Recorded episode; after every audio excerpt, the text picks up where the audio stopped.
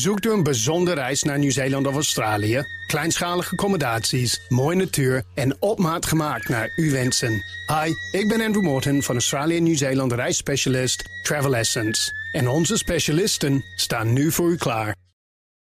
En we beginnen dit uur eh, zoals altijd op donderdag met de Oekraïne-update. En daarvoor is bij ons BNR buitenlandcommentator Bernard Hammelburg. Goedemorgen Bernard. Goedemorgen Meindert. Laten we eerst even het belangrijkste laatste nieuws bespreken. Er is vannacht weer een stevige aanval geweest op Kiev. Ja, uh, een nieuwe. En uh, de autoriteiten in Kiev melden dat er uh, een paar kinderen zijn omgekomen. Wat natuurlijk altijd vreselijk is. Ja. Eén volwassene en een aantal gewonden. Nou weten we natuurlijk nooit precies of dat waar is en hoe precies zit. Maar wat ik het, eigenlijk het interessantst vind, is de, de analyse die je nu van alle kanten hoort. Namelijk dat Moskou duidelijk bezig is um, met een soort offensief met als doel om um, de Oekraïne zo snel mogelijk te ontdoen van zijn uh, verdedigingsmiddelen. Want om je een idee te geven, heel, van, heel veel van deze raketten worden uit de lucht geschoten -hmm. door Patriots. Maar elke Patriot-raket kost 4 miljoen dollar. Ja. Um, en daar gaan de een naar de andere lucht in. En op een bepaald moment ontstaat er gewoon tekort. En de indruk bestaat dat dat is waar de Russen op het ogenblik op uit zijn. Ondertussen wordt er internationaal natuurlijk ook uh, uh, ruim gesproken over de situatie in Oekraïne. Franse president Emmanuel Macron heeft uh, zich uitgesproken over mogelijke onderhandelingen met Poetin. Dat zei hij op een Europese bijeenkomst in Slowakije gisteravond. Daar zei hij het volgende. So this is a question of articulation. Because otherwise you can put yourself just in an impossible situation where you say, I want you to go to jail, but you are the only one I can negotiate with. Ja, Macron in onvervalst Frans. Uh, hij heeft het hier over een toekomstige hypothetische situatie eigenlijk. Hè? Ja. Onderhandelen met Poetin terwijl er een internationaal arrestatiebevel uitstaat. Uh, wat valt jou nou het meest op nou, nou, aan deze uitspraak? Dingen, in, twee dingen. In de eerste plaats dat de, de, de opmaat naar deze opmerking was... ja, het ziet er toch naar uit, mensen... dat ergens in de komende maanden onderhandeld zal gaan worden. Ja. Nou, dat was voor mij nieuw. Wist ik niet. Jij waarschijnlijk ook niet. Nee. Um, en het, het, het is een heel belangrijk signaal van een belangrijke Europese leider. Dat het denken dus niet alleen maar gaat over het verstrekken van middelen aan Oekraïne om zich te verdedigen, maar ook wel degelijk over een situatie daarna onderhandelen. En dan die opmerking die je net liet horen, wat hij daarvan zegt, wat hij daarin zegt, dat gaat over Poetin. Hij zegt, ja, je kan moeilijk gaan onderhandelen met iemand die uh, op het internationale opsporingsregister staat. Hè? Want -huh. het ICC, het strafhof, heeft een opsporingsbevel uitgegeven. En eigenlijk, als ik, het, als ik het zo lees en hoor en het hem hoor zeggen, zegt Macron: ja, dat was eigenlijk niet zo handig dat we dat hebben gedaan. Als je wil onderhandelen, moet je zo iemand niet. Um, uh, op, moet je geen, geen arrestatiebevel tegen, tegen hem hebben lopen. Nee, er worden meer interessante uitspraken gedaan. Hè. Volgens uh, internationale wetgeving heeft Oekraïne het recht om aanvallen uit te voeren op Russisch grondgebied. Als dat uit zelfverdediging is. Tenminste, dat heeft dan weer een Duitse uh, regeringswoordvoerder gisteren gezegd. In een reactie op die droneaanvallen in Moskou. Hè. Uh, nou is zelfverdediging nogal een breed begrip, Bernard. Het is heel ingewikkeld, mijn dat. Want ik vind altijd het interessantste voorbeeld een tank.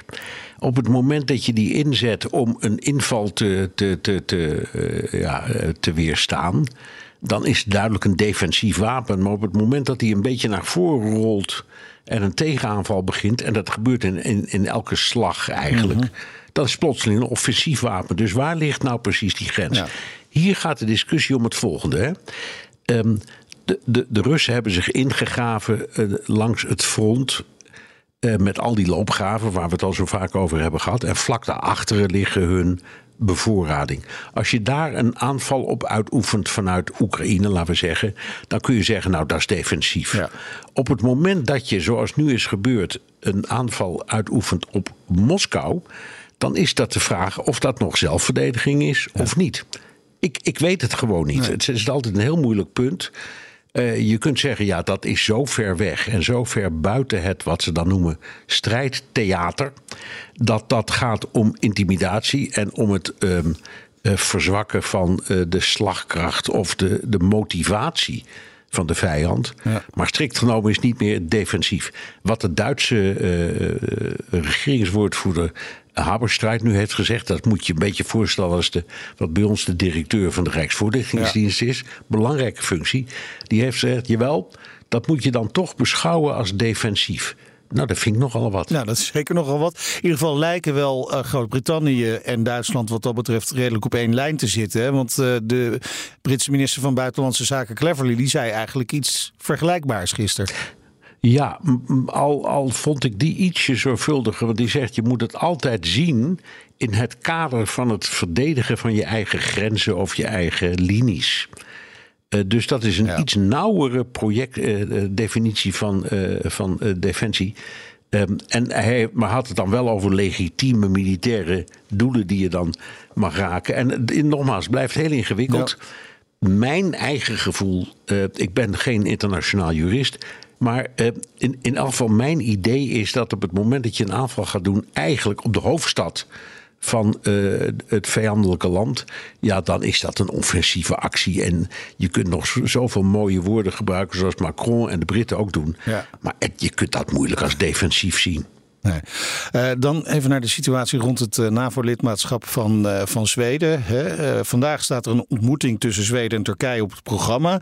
Turkije houdt dat lidmaatschap tot nu toe tegen natuurlijk. Hè.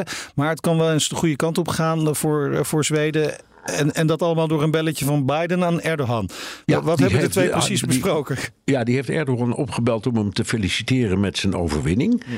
Hij was bij mij weten de eerste buitenlandse leider die dat deed. In elk geval één van de eerste. En hij riep meteen, zullen we een deal doen? Jij gaat door de knieën over Zweden en ik ga door de knieën over de levering van F-16's. Echt letterlijk zo gepresenteerd. En het zou best eens kunnen dat, dat Erdogan zegt: Nou ja, dan, dan trek ik uiteindelijk aan het, aan het langste eind. Laten we het maar doen. Um, dus het zou heel goed. De, die, die kwestie van die F-16's loopt al heel lang. Ja. Ze hebben F-16's, maar die zijn verouderd, net als de Nederlandse. Ja. Er bestaan, um, uh, uh, uh, zeg maar, er is technologie om die dingen het, een soort upgrade te geven. Dat willen de Turken graag. En ze willen een heel stel nieuwe toestellen. En mijn indruk is dat de Amerikanen nu zeggen: oké, okay, dat doen we dan, maar dan moet je wel Zweden toelaten. Dankjewel, BNR's buitenlandcommentator Bernard Hammelburg.